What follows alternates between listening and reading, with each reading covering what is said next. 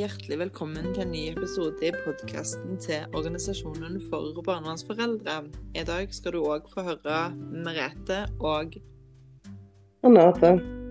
Og vi skal i dag snakke om følelser. Eh, ganske mange følelser, og ganske kaotiske og vanskelige følelser. Eh, og det er kanskje litt av eh, poenget med dagens sending. Det er at vi skal eh, dra oss gjennom en litt sånn ja, kaotisk eh, følelsesliv, da. Um, og vi skal begynne Skal vi en, skal vi, skal vi lage en rød tråd ifra kaos til kontroll? Vi kan prøve på det, og så ser vi om eh, vi ender opp med kontroll. Eh, men at vi starter med kaos, det tror jeg vi kan være helt enige om begge to. at vi har fått. Um, skal vi ta oss og begynne med uh, altså vi kan, vi kan, ta for oss eget scenario først. Altså hvordan våre uh, opplevelser var i første møte med barnevernstjenesten. Og så kan vi etterpå knytte på andre, andres opplevelser som har fått det detaljert beskrevet. Har du lyst til å begynne? Det kan jeg godt. Um Mitt første møte med barnevernstjenesten var etter en bekymringsmelding fra Nav. Jeg hadde da ei jente på ett år. Og når barnevernstjenesten da kom på døra og presenterte seg at de var barnevernstjenesten, da raste eh, Da var det kaos. Da var, da var, det plutselig det jeg trodde var kontroll, til total kaos. Eh, hvor hva skal jeg nå, eh, hva skal jeg nå gjøre for å få de vekk, var min første eh, tanke. Eh, Tida gikk. Eh, jeg hadde noen flere møter med noen andre enn de som kom på besøk den gangen, og fant ut at eh, de kunne jo hjelpe meg. Eh, de kunne jo de kunne jo være min andre stemme i forhold til at vi jente på den tida hadde ikke en Hun hadde en far, men hun hadde ikke en far som var i bildet. Um, og da det, Da sa jeg det at ja, men så fint, da kan dere være inne i bildet, så får jeg alt mitt på det rene. Uh, og de var inne, de anskaffa dagmamma, de anskaffa barnehage.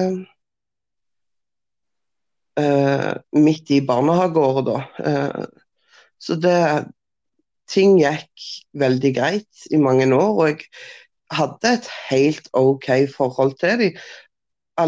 Selv om allikevel jeg da fikk beskjed at ja, på mandag da kommer barnevernstjenesten. Og vet du sikker på at hele helgen brukte jeg til å gnikke og skrubbe og sant? Gnikka i hver krinkelkrok som jeg hadde i, i huset, for at de skulle iallfall ikke finne et støvkorn hos meg. Og da Sant, det ble Og for å si det sånn, hvem har Det er jo ingen ifra Altså, i en normal sak der de kommer med hvite hansker og sjekker at du har gjort rent alle veier. Mm. For en, en bor jo der en, der en er, og, og, og, Men det skulle være gullende rent. Um, livredde for at det skulle være noe å ta meg på.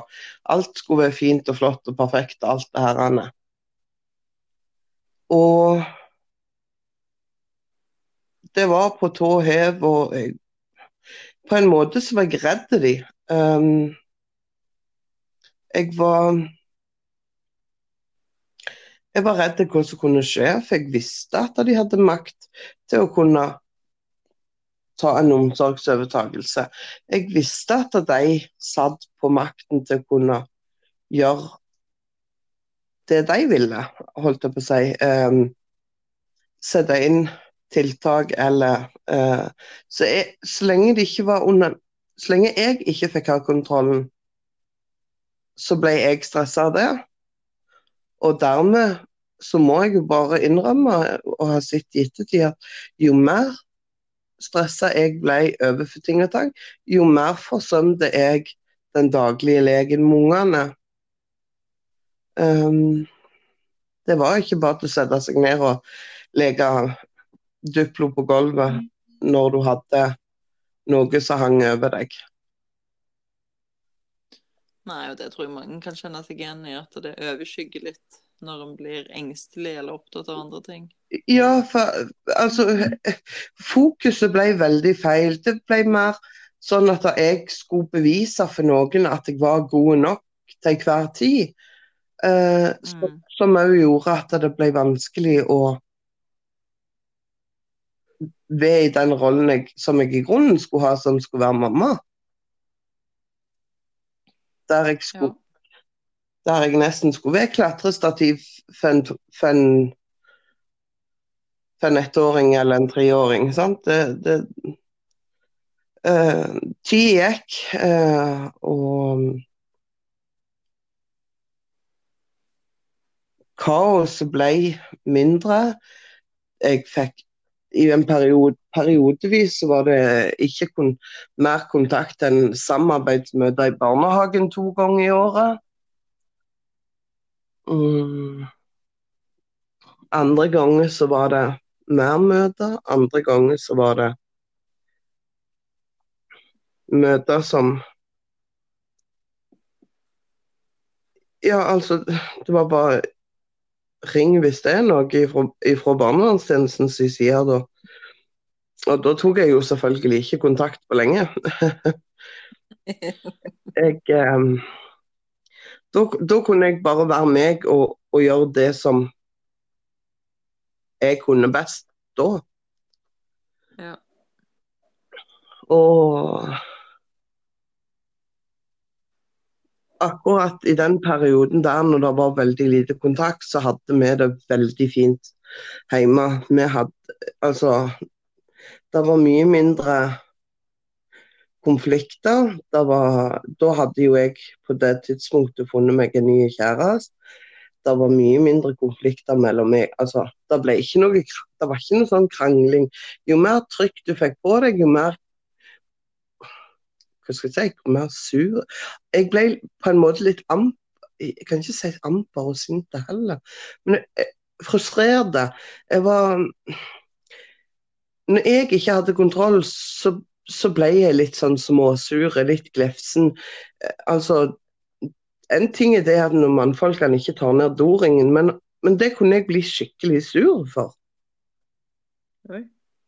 Altså, jo mer eh, trykk vi fikk av barnevernstjenesten, jo mer sånn småting Altså, når du vasker opp for hånd, eh, ja vel, da Normalt så hadde vi jo et stativ der vi satt tallerkener oppi.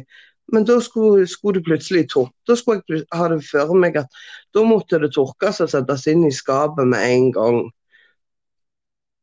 Altså Plutselig måtte andre Um,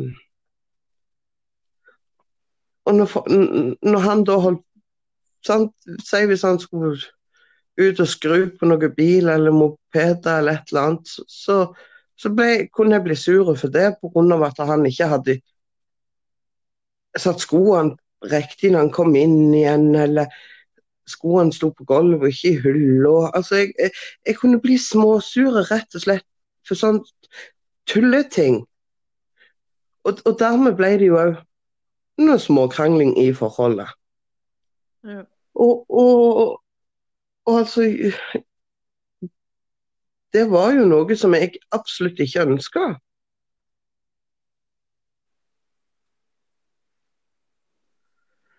Men så ble det veldig eh, Etter hvert så ble det jo sånn at da, vi gikk jo ifra hverandre. Han flytta ut.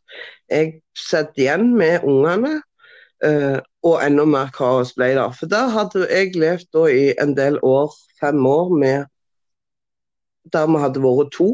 Uh, der vi hadde delt på oppgavene. Og da skulle jeg plutselig uh, Der jeg gikk fra en 100% jobb ned i 20% og så skulle jeg bli hjemme med ungene, som var for alt i verden noe av det kjekkeste jeg har gjort. Altså, meg og ungene hadde det kjempekjekt. Men det, det til å få inn rutinene som de var vant med hjemme, og, og sånn når jeg var på jobb, det var jo òg Hæ? Det var liksom en, en oppvekker, for da hadde han han hadde gjort sine rutiner med ungene, og da når jeg plutselig skulle inn og overta alt helt alene på flekken, så ble ting annerledes. Så da ble det utageringer fra ungene, og så, og så eskalerte ting. Og så eskalerte ting for hun ene, for hun var jo eh, Hun var jo vant med å ha det på det viset, og så ble det ikke på det viset lenger. Og så var det reaksjoner og, og sånt på det. Um, og, og, Ja. Og da ble jo jeg enormt frustrert, og da ble jeg rett og slett lei meg. Eh, jeg fikk ikke den type Jeg fikk ikke en kjærlighetssorg av at han flytta ut, men jeg fikk en sorg for at jeg plutselig hadde mista noe som i liv, altså jeg hadde mista noe i livet som var en annen trygghet, på en måte. Ehm, det til å plutselig stå alene i en sånn en situasjon eh, der du så hvordan ungene utagerte og reagerte på helt andre måter enn de tidligere hadde gjort. Ja.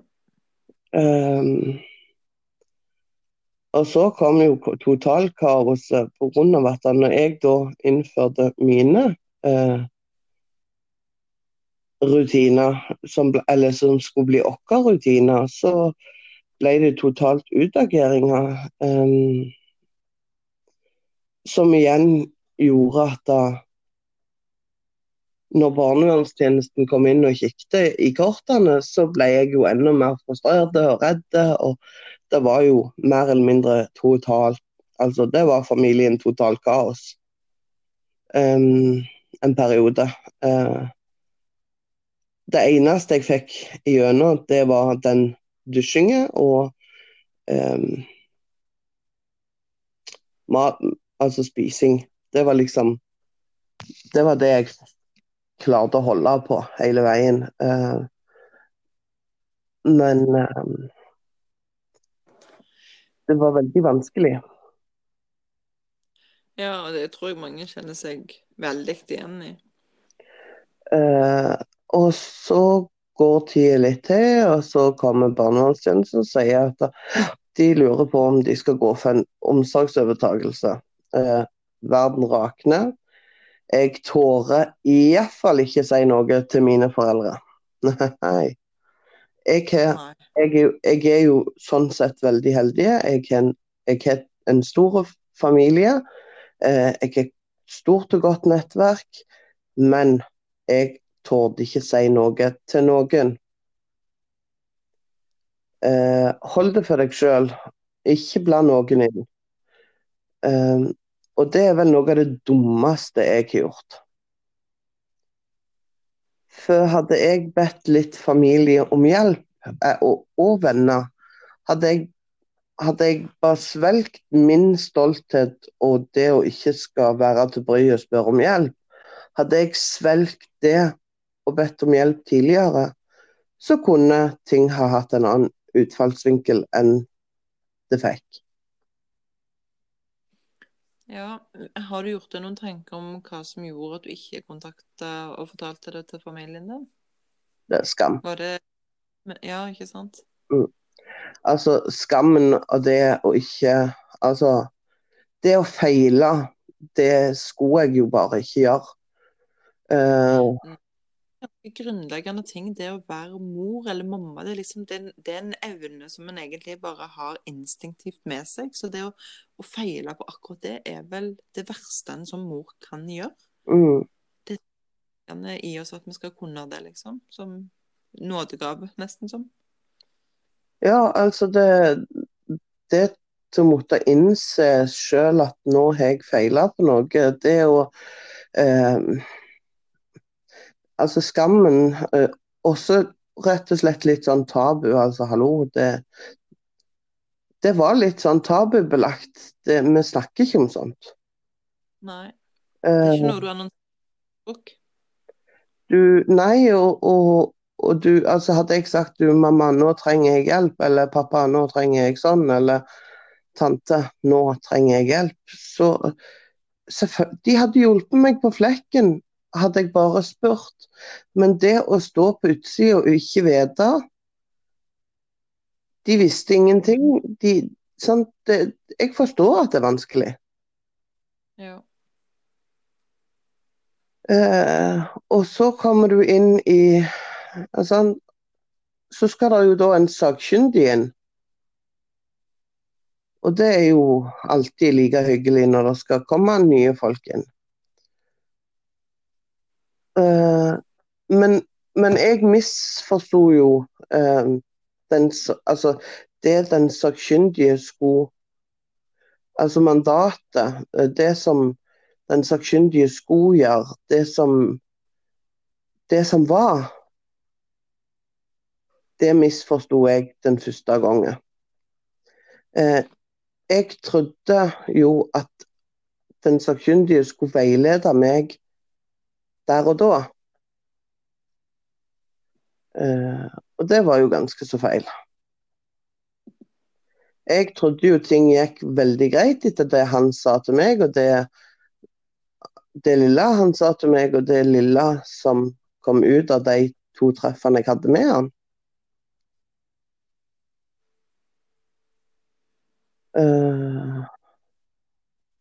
Sånn at jeg trodde jo ting var mye greiere enn de var.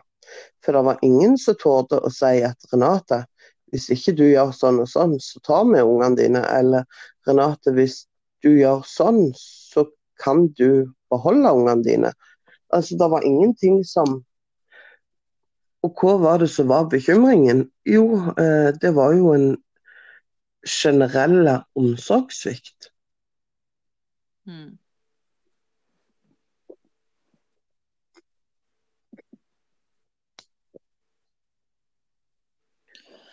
Ja.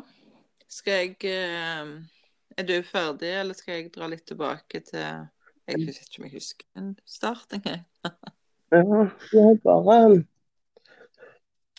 Um, jeg, tror, jeg tror ikke jeg husker så mye av hva som skjedde, men jeg husker litt av følelsene. For det er jo forskjell på å huske hva tid møtet skjedde og sånn, for dette er jo uh, over 20 år siden. mm, Men jeg husker denne her uh, vanvittig over uh, Altså usikkerheten. Ja. Eh, hva er konsekvensen av å eh, For jeg tror at Altså, ja. Første gangen jeg er i kontakt med annonsensen, er jo på 90-tallet, før jeg er mor. Ja. Eh, og den tiden jeg ekstremt lite av, annet enn at jeg var en oppstand nazi-drittunge. Kan vel si det sånn. Ja. Så jeg, jeg tror ikke jeg går inn på det, men, men ifra på en måte barnevernstjenesten inn i livet mitt eh, når eh, eldste er liten, eh, så, så er det dette her med usikkerhet. Både i forhold til eh, Mitt indre liv er usikkert, det er veldig, veldig kaotisk. Og denne her usikkerheten i forhold til eh, Kan jeg virkelig til disse spinkle damene fortelle eh, hvordan jeg har det? Altså, mm, er det trygt? Eh, og jeg kjente aldri noensinne i de første tolv årene jeg har kontakt med barnevernstjenesten, så kjenner jeg aldri et snev av trygghet. Ikke en eneste gang.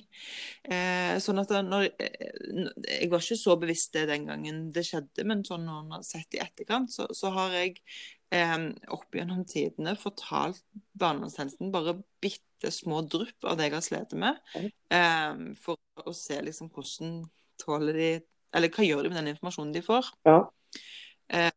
De har ikke helt håndtert det sånn som jeg tenker ville vært fornuftig, og derfor så har usikkerheten steget.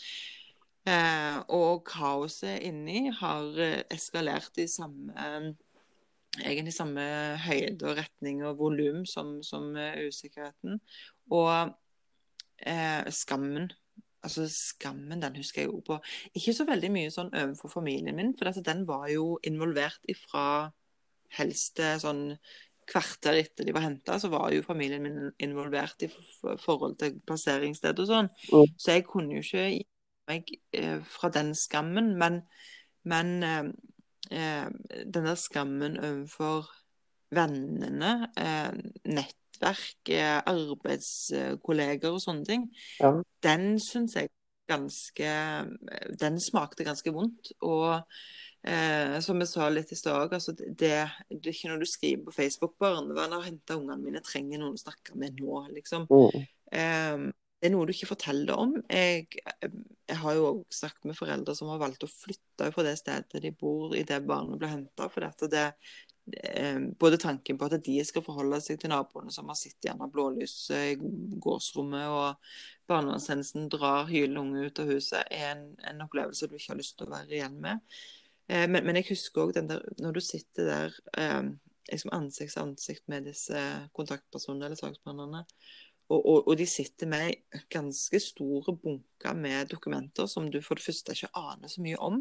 Altså all den usikkerheten som det kan føre til med, og, og eh, frustrasjonen over eh, at du gir informasjon, og så får du på en måte ikke responsen du håper på, og derfor egentlig ikke får den hjelpen du syns sjøl du trenger, i hvert fall dette her, og så hele veien vekte eh, fordeler og ulemper med å gi visse typer informasjon, som da skal føre til at du skal få de riktige gode hjelpetiltakene. Eh, som du sier, dette her med sakkyndig. Altså, Eh, hvis du sier for lite, eh, så er det gale, for da er du tilbakeholden og du skjuler sannheten og det er masse ting. Men overdeler du, så er det òg gale, for da er du liksom ikke sensitiv nok i forhold til ditten og datten. Og der. Det er liksom mange ting, og, og, jeg har vel egentlig inntrykk av at når det gjelder barnevernstjenesten, så er det ingen sånn standard eller mal på nå er du innafor. Bra jobba, liksom. Nå traff du. Det vil alltid være for mye eller for lite. Ja. Og det er jo møte med noen mennesker som skal være både hjelperen og bøddelen, er ganske krevende i seg sjøl. Mm. Og når å opplever at eh, informasjonen som ble gitt til deg, ikke alltid er helt eh, sannferdig, så blir jo disse følelsene forsterka av den usikkerheten og redselen.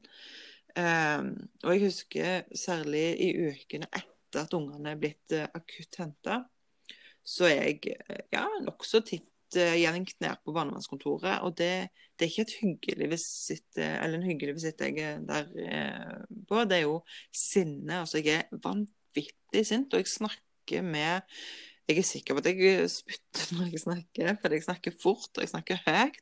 Og jeg er kjempefrustrert, og så er jeg kjemperedd. Fordi mitt spørsmål til barnevernstjenesten er jo hvor er ungene mine, og når får jeg se dem? Ja. Og de bare helt sånn avvisende.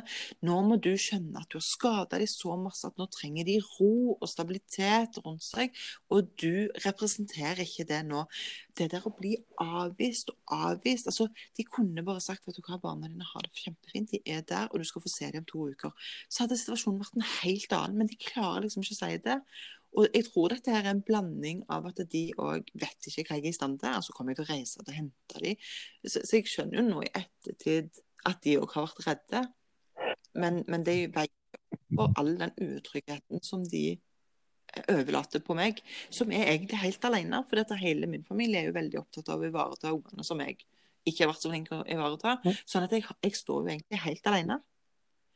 Eh, og jeg må innrømme så Du sa jo noe om at um, i starten så var, ikke, så var, du klar over at det fantes noe som heter omsorgsovertakelse. Eh, det var jeg fortsatt ikke på dette tidspunktet. Jeg var helt sikker på at når jeg bare hadde ferdigrusa meg og på en måte landa, eh, så kunne jeg bare reise og hente dem. At det var noe som het fulgte Det var for meg helt ukjent.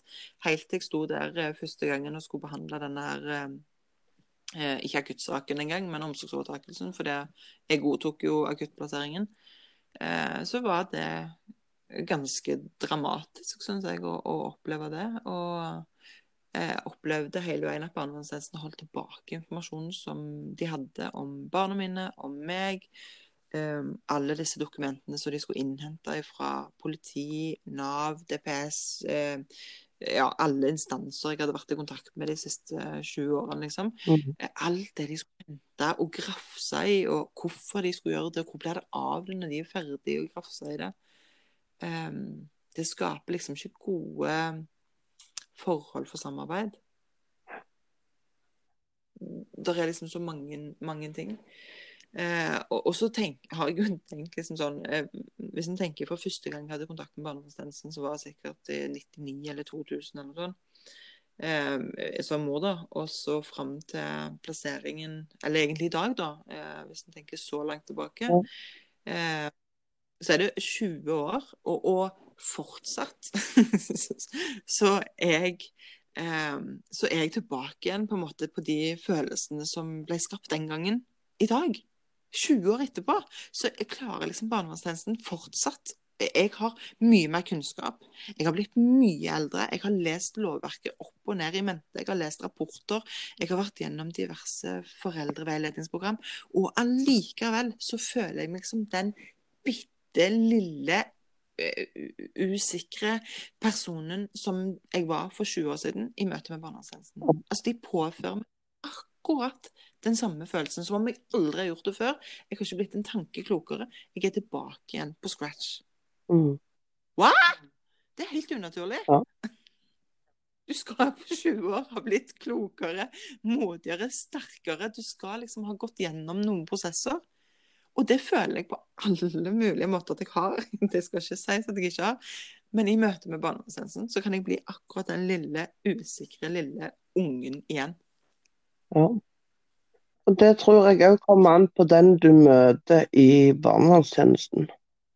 Absolutt. Ja, det tror jeg du er veldig rett i. Eh, for det filteret mista jo jeg nå på min 29. saksbehandler. Ikke sant? Eh, for når du har vært gjennom så mange For altså noen krever det av deg, noen krever det sånn, noen krever bare at du svarer telefonen når de tar kontakt, noen sant. Altså Det er ikke fasit på at det sånn liker vi det å ha det i barnevernstjenesten. Ja, men ikke bare i barnevernstjenesten, men den enkelte saksbehandler. Det den har lært, og det den kan når den begynner i, i jobben sin. Um, det krever jeg av deg. Det, det, ser jeg for meg at du skal gjøre. Um, og, og, den type ting, da. Altså, noen, noen krever at um, Noen krever jo bare at du, du skal svare telefonen, altså. Eller svare på mail, eller eller den type ting. Mens andre de vil komme på hjemmebesøk til deg to ganger i året og, og, vil ha en reell prat med deg der du faktisk snakker sammen, og ikke bare blir snakka til. Um, ja. For det er mange måter å, å kommunisere med hverandre på.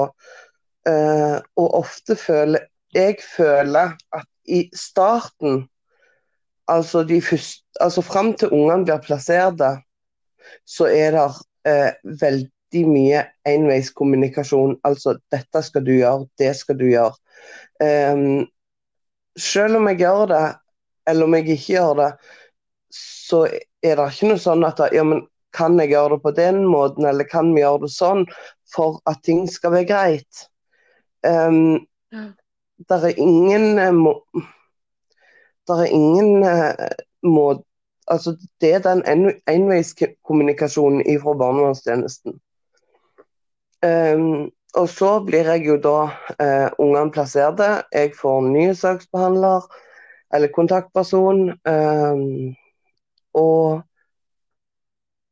jeg får ny kontaktperson igjen. Og sant? når du da får ny kontaktperson gang på gang, så, sier, så vil jo det gjør noe med deg òg. Så siste gangen så sa jeg jo det at jeg krever at du gir meg informasjon fortløpende. Jeg krever at når du har vært i samtale med fosterhjemmet og jentungen min, så vil jeg ha et referat på hvordan det har gått, hvordan ungen min har det til hver tid. Um, skjer det noe, altså type sykehusinnleggelser eller lignende, så skal jeg ha, mm. jeg skal ha den informasjonen umiddelbart. Om det bare mm. er, det bare er en telefon at eh, hun var ute på sykkel og, og krasja og, og, er på sykehuset for en sjekk, eller hun, hun havna på sykehuset for hun brakk foten. Sant? Ja vel, men da vil jeg gjerne vite det. så fort. Det har så mye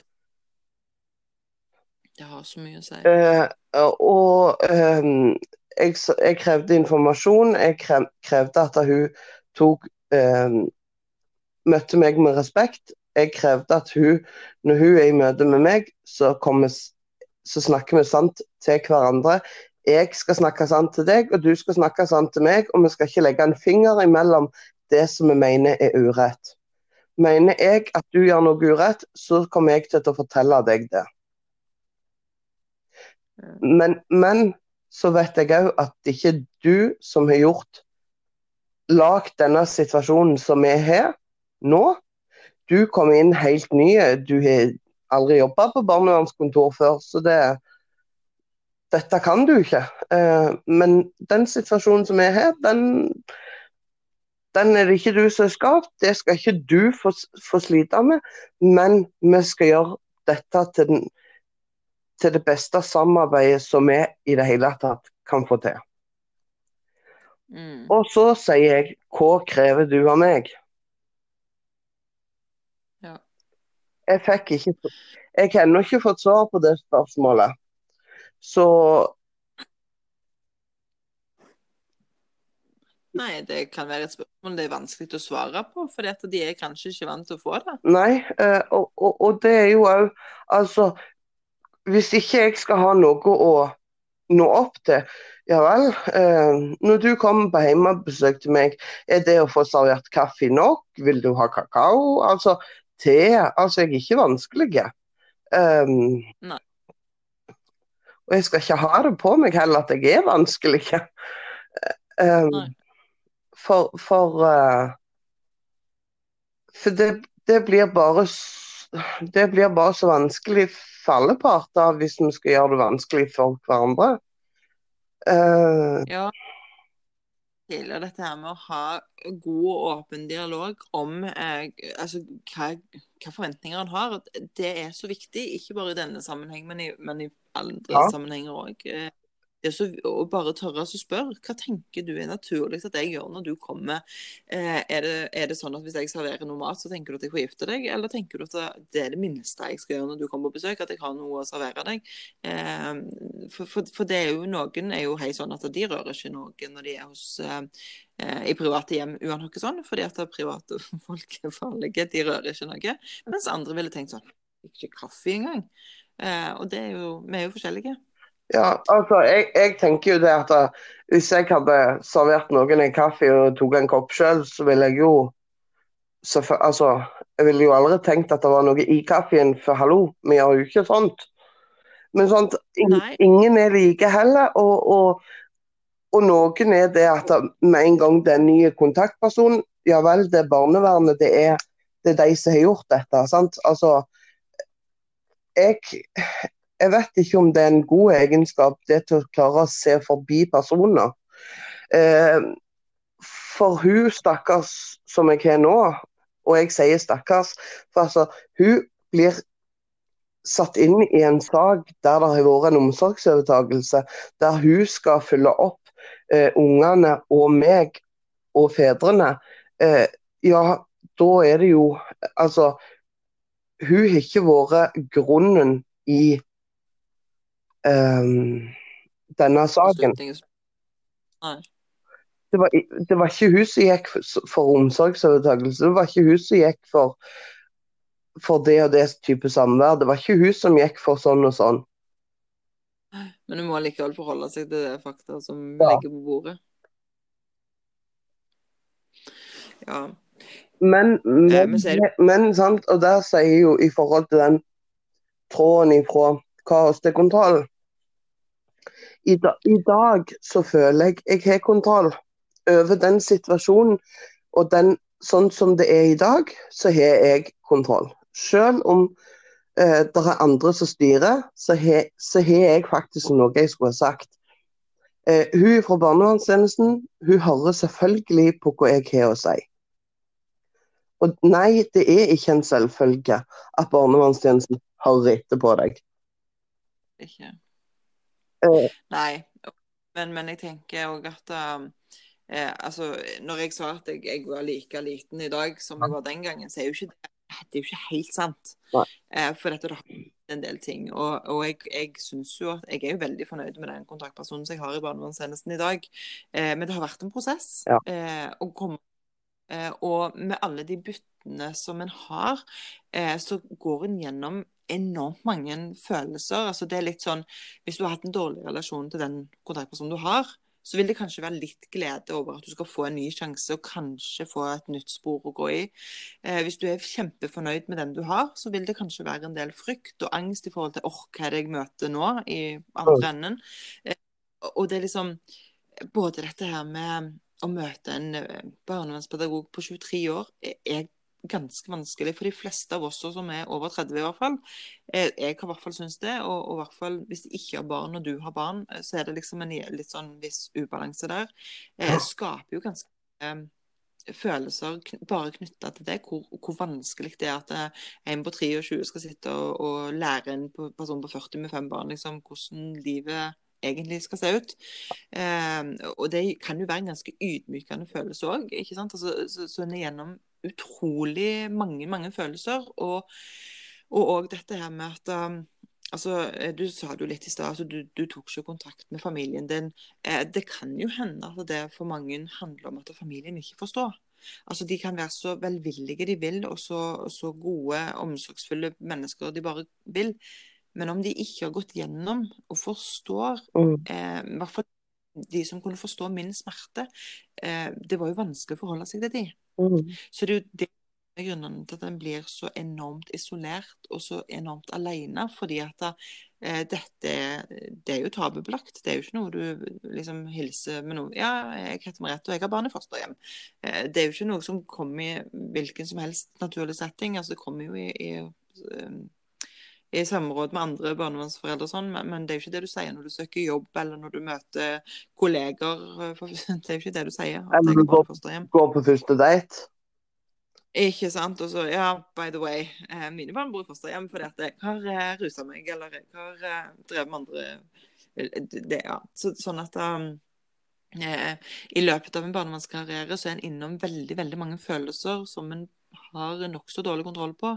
Eh, men, men jeg har jeg, jeg føler jo at jeg har kontroll på selve møtene. De, jeg opplever det samme som deg, at de er innholdsrike. Og jeg får svar på de tingene jeg lurer på. Jeg får den veiledningen jeg trenger, og jeg får svar på de spørsmålene jeg lurer på. Ikke, eh, jeg skal ikke fortelle at den eh, nydelige saksbehandleren jeg har i, i barnevernstjenesten, er noe annet enn eh, helt utrolig. Og har stått med meg i mange år og gjennom mye.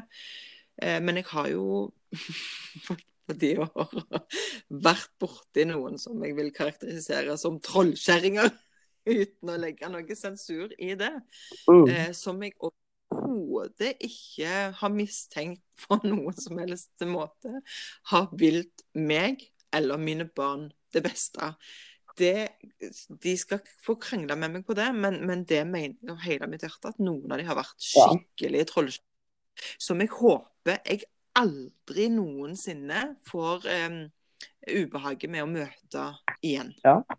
Eh, altså, der er Av 29 så er det ei som virkelig stikker seg ut hos meg. Som jeg kjenner det at Gud, jeg er glad for hun er pensjonist og pensjonerte og ikke i jobb lenger. Um, Ja. Altså Men det betyr ikke at de andre 20, Har vært fantastisk. ja, eh, der har vært, noen har vært veldig OK, noen har vært ja, ja. Men, men så har det vært no, altså, noen har vært kjempegreie, og noen har vært sånn altså, sant? Det var jo mange år der jeg hadde en grei tone med barnevernstjenesten, og de bare var innom på de møtene i, i barnehagen og, og, og overgangen til skole og sånne ting. Og Mm. og sant? De fikk jo ikke et sånn et forhold til sånn som jeg het som, til hun som er saksbehandler i dag. Nei. Nei, og så er det jo litt sånn etter hvor er du i saken? Hvor mye behov har du for eh, kontaktpersonen? Altså, Ja. eh, hvis det er mye bevegelse saken, så har du jo litt hyppigere kontakt enn hvis du har de samværene du skal ha. Du er fornøyd, du har kjørt de sakene du føler du skal ha, eh, og har bare de fire til seks samværene i året, så er det jo ikke så mye behov for kontakt enn hvis en ønsker mer samvær eller trenger veiledning i forkant og etterkant av samværene. Så, så det er jo helt etter altså, hvor, hvor, stor betydning saksbehandler og kontakten du har til den, avgjør fremgangen eller prosessen i saken. Eh, for jeg opplevde jo veldig at hun, hun som på en måte var med på selve omsorgsovertakelsen og eh, hadde skrevet mye av saken til, til nemnda i, i 2010, eh, det er jo et menneske som jeg har møtt i, i ettertid. og eh, den gang når jeg allerede lå nede, eh, virkelig nede, jeg var på mitt aller laveste omtrent, eh, så presterer jo vedkommende å si at du har brukt opp alle dine sjanser, og du kommer aldri noensinne igjen til å få se barna dine uten tilsyn. Mm. Eh, og hadde det vært liksom en person som jeg hadde en god og tett relasjon til, som brukte dette som en sånn slags motivasjonstale eh, eller inspirasjons et eller annet, mm. så hadde en jo var fornuftig, det. Men dette var jo et kvinnemenneske jeg hata overalt i verden. Og hun visste med alle, altså Vi hadde, møtt, vi hadde ikke møttes så mange ganger. Hun henta ungene, og jeg var vel på møte med henne to ganger etterpå. Um, pluss at jeg så navnet hennes i blekka til fylkesnemnda. Um, altså, hun valgte akkurat de ordene når jeg lå nede. Uh, ville jeg jo se på som ganske grotesk, uh, og helt sånn uh, Ja. ja jeg hadde jo jeg hadde jo inne ei, eh, et par uker før eh, termin på nummer to, eh, som bare skulle komme og så, ja, se hvordan det var. Og hun kom da med hvite hansker og tok oppå skapene, eh, oppå hyller rundt forbi. Hun sjekket matvareskapene, hun sjekket kjøleskap og boden, liksom, og, og den ty... altså, hvor ydmykende er ikke det? Eh, og det som jeg var veldig takknemlig for, det var jo det at hun gjorde det rett så langt opp mot jul. For da hadde jeg iallfall fått tatt julevasken. Ikke sant. eh, og om det er støv oppå skapet, eh, så gjør ikke det noe i det daglige. For da viser det at jeg bare bruker tida mi på lek. Altså, jeg ville jo sagt at da bruker jeg tida mi på noe annet jeg lekte jo Altså det var bedre at legene fløyt på barnerommet og det var støv på skapet, enn at det var alt var slikt. Um, ja. Men, men, um, men det er hun som nå er pensjonist. Altså, og det er jeg veldig glad for, at ikke flere skal oppleve det at en kommer inn med hvite hansker og går gjennom leiligheten på en sånn en måte, sånn som hun gjorde. Eh, det, var, det var veldig vondt. Det, det gjorde òg at jeg ble veldig skeptisk til neste kontaktperson som kom, og kontaktpersonen etter det. Altså, det gjør jo noe med en i lang tid. Um, ja. Sånn at da, Men ifra det kaoset det var til den kontrollen, altså den røde tråden og fram til kontroll, det har vært en prosess. Det, har, det som har hjulpet mest, det er jo òg det til å høre andre foreldre sine historier. Altså eh, både som har vært verre enn mine, som har vært ganske finslige. Altså total, andre, perspektiv. andre, perspektiver og totalen av alt. Ja.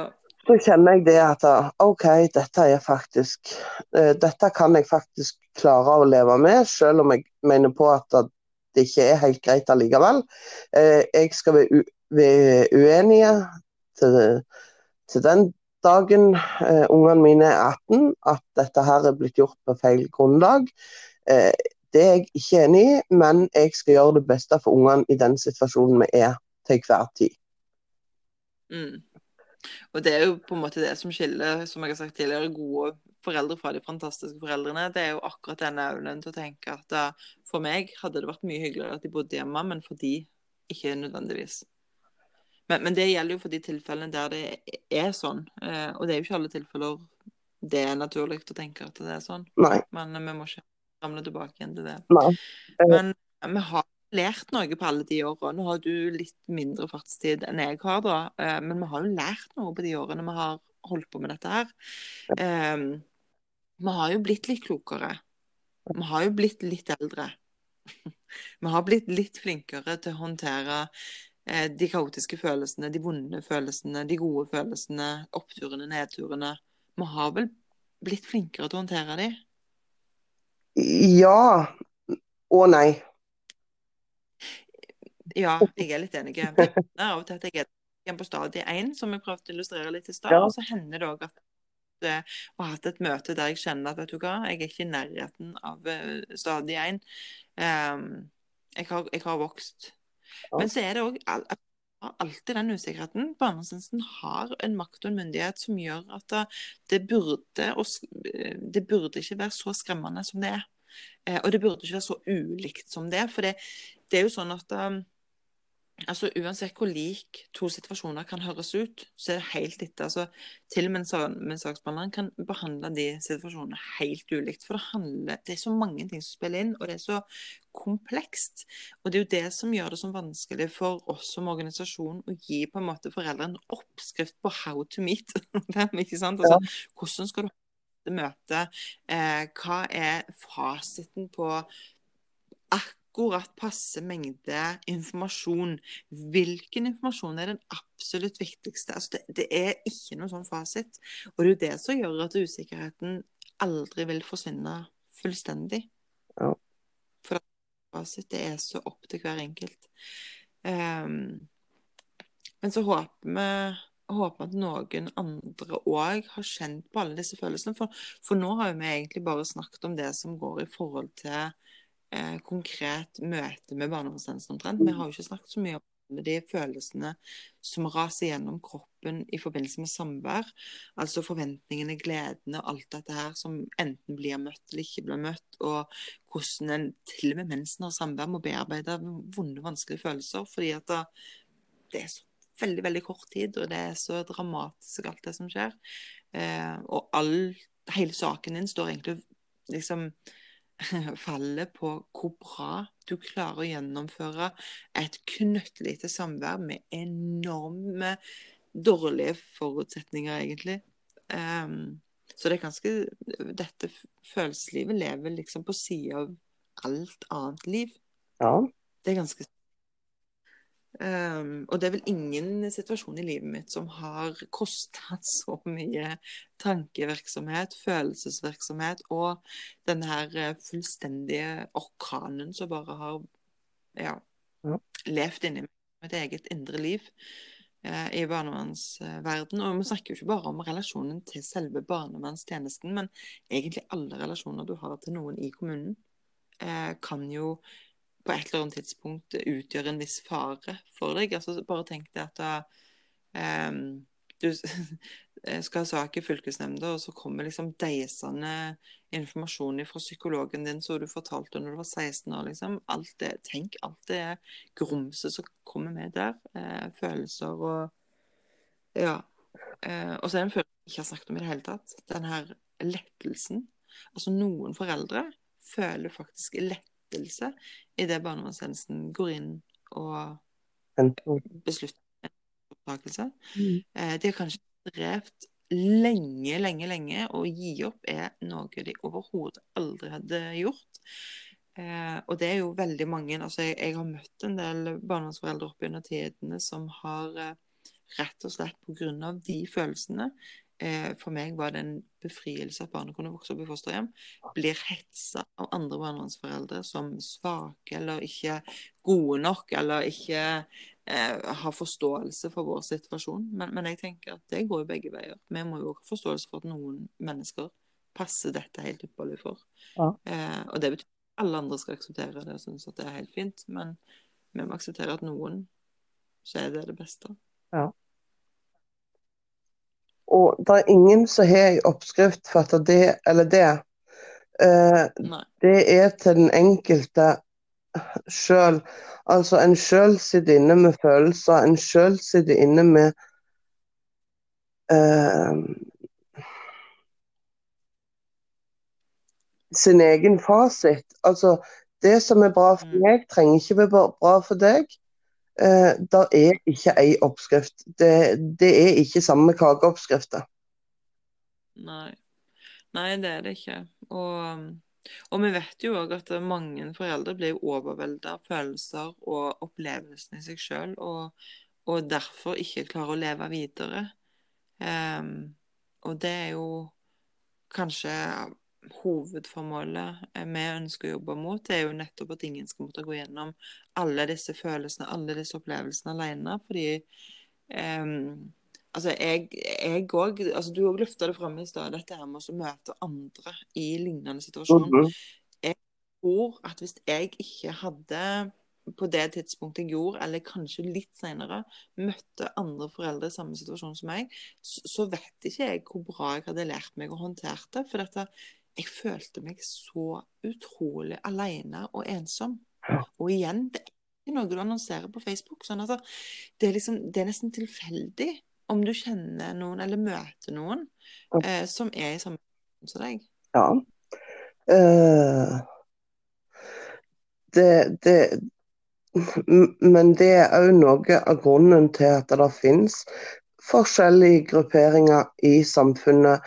Eh, det finnes altså Bare ta kreftomsorgen, som har forskjellige altså eh, Pårørendegrupper, sorggrupper. Altså, det finnes så mye ute i samfunnet for alle Mm. typer hindringer en treffer på. Ja, så lenge de er på en måte allmenn akseptert. Ja. Men hva finnes for oss, som er på en måte en gruppe som eh, få vil forholde seg til, få vil hjelpe? Eh, mange tenker at vi er jo tross alt skyld i det sjøl. Vi har jo enten forgrepet oss på ungene, eller banket de, eller drevet med rus, eller er alvorlig psykisk syke. Sånn at vi har jo sjøl forvoldt oss den smerten som vi nå går igjennom når barnet ikke bor hjemme. Eh, og mange tenker sikkert at vi fortjener å brenne i Ja, der nede, vet du. Eh, sånn at dette her er jo ganske omstridt egentlig òg. det å gi hjelp til denne gruppa. Og vi tenker jo veldig klart i organisasjonen at da, eh, det offentlige vil aldri noensinne klare å gi denne foreldregruppen et, eh, et tilbud som er hold i, på en måte. Ja. Eh, så derfor er det for oss å på en måte nå ut med eh, våre historier og fortellinger og hva vi er opptatt av, sånn at, eh, at noen skal få lov å kjenne at de ikke er alene. For det, den verste følelsen i verden må jo være den å tro at en er alene om dette. her. Jeg trodde seriøst i 2010 at dette var det ingen andre enn meg som hadde opplevd. Det var helt sånn, helt utenkelig at jeg kunne treffe andre mennesker som hadde opplevd det samme som meg. For det, det fantes bare ikke. liksom At staten tok unger, det gikk jo ikke an, det. Ja. Um, blå Ja, eh, hva skal jeg si? Jeg var, jeg var heldig vitende om det pga. at jeg visste om andre som hadde blitt fratatt av ungene sine. Um, Altså, jeg har hatt foster i min fa egen familie, jeg, og jeg visste fortsatt ikke at det fantes. nei, det, Men ja, nei, nå har vi vært gjennom følelsesregister fra kaos til delvis kontroll. Eh, jeg har i hvert fall fortsatt en aktiv barnevernssak og, og kjenner at jeg har mye bedre kontroll enn jeg hadde den gang. Men det er fortsatt eh, situasjoner, eh, tanker og opplevelser som gjør at en er litt tilbake igjen. Men eh, konklusjonen min er sånn, hvis vi skal oppsummere litt Jo, jeg har blitt klokere, eldre, modigere og litt, eh, en litt bedre ja, samarbeidspartner for barnevernstjenesten. Eh, og det de ville tenkt hvis det hadde vært samme personen som hadde fulgt meg gjennom alle de årene. Og det har det jo ikke vært, for jeg har jo både vært innom forskjellige kontorer, avdelinger og kommuner og alt mulig. Ja. Men alt i alt, jeg, jeg har blitt eh, mindre i møte med barnevernstjenesten. jeg tror jeg vil oppsummere det med å si at jeg er blitt eldre, klokere, større, eh, mindre redde enn jeg var. Og det Kanskje vi kan knytte det opp til at en har mer kunnskap i dag. Og kunnskap er jo er å gjøre oss trygge. Ikke sant? Altså Hvis du går inn i et møte vet det du skal snakke om, så er det mye tryggere enn hvis det er sånn Nei, vi får se. Jo, men jeg, jeg Altså Jeg er ikke veldig, holdt på å si, gåsehud redd for å gå inn i et møte der jeg ikke vet agendaen heller lenger. Altså Men i dag er jo situasjonen din mye mer avklart, kanskje enn den var i starten. Jo, selvfølgelig. Men, men altså òg må Altså Mm. kun, Jo, selvfølgelig kunnskap, men, men altså, jeg er ikke sånn redd. Og jeg er Er det noe som plager meg, så tør jeg å si ifra. Og jeg tør å Er det noe jeg mener barnevernstjenesten har feil, så tør jeg å si det. Altså Filteret har liksom løsna, på en måte. Ja. Eh, og i dag vet jeg jo det at de har, de har, mine, altså, de har omsorgen for mine unger. Det er ingenting verre som kan skje meg enn det. Nei. Så det er jo òg, holdt jeg på å si, noe av grunnen til at ja vel, sånn er situasjonen. Og, og da Ja. må en gjøre det beste ut av det. Og, altså, selv om man ikke liker å erkjenne det som trygghet, så er det jo trygghet. Du vet liksom hva du har å forholde deg til. Ja. På godt. Nå vet du det, men veien dit har jo vært kronglete og lang. Men, men i dag vet du jo hva du har å forholde deg til. Ja, Og det kan jo gjøre at følelsene blir litt mindre kaotiske bare i det. Absolutt.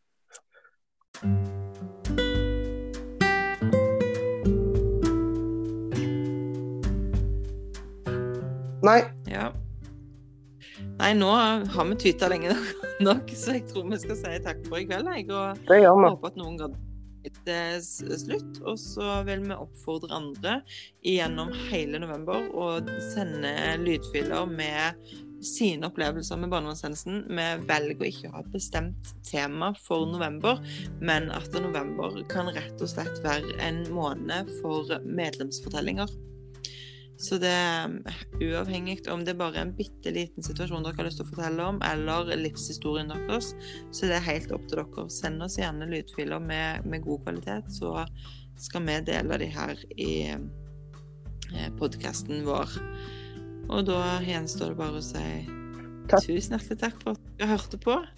Takk for i dag. Ha det.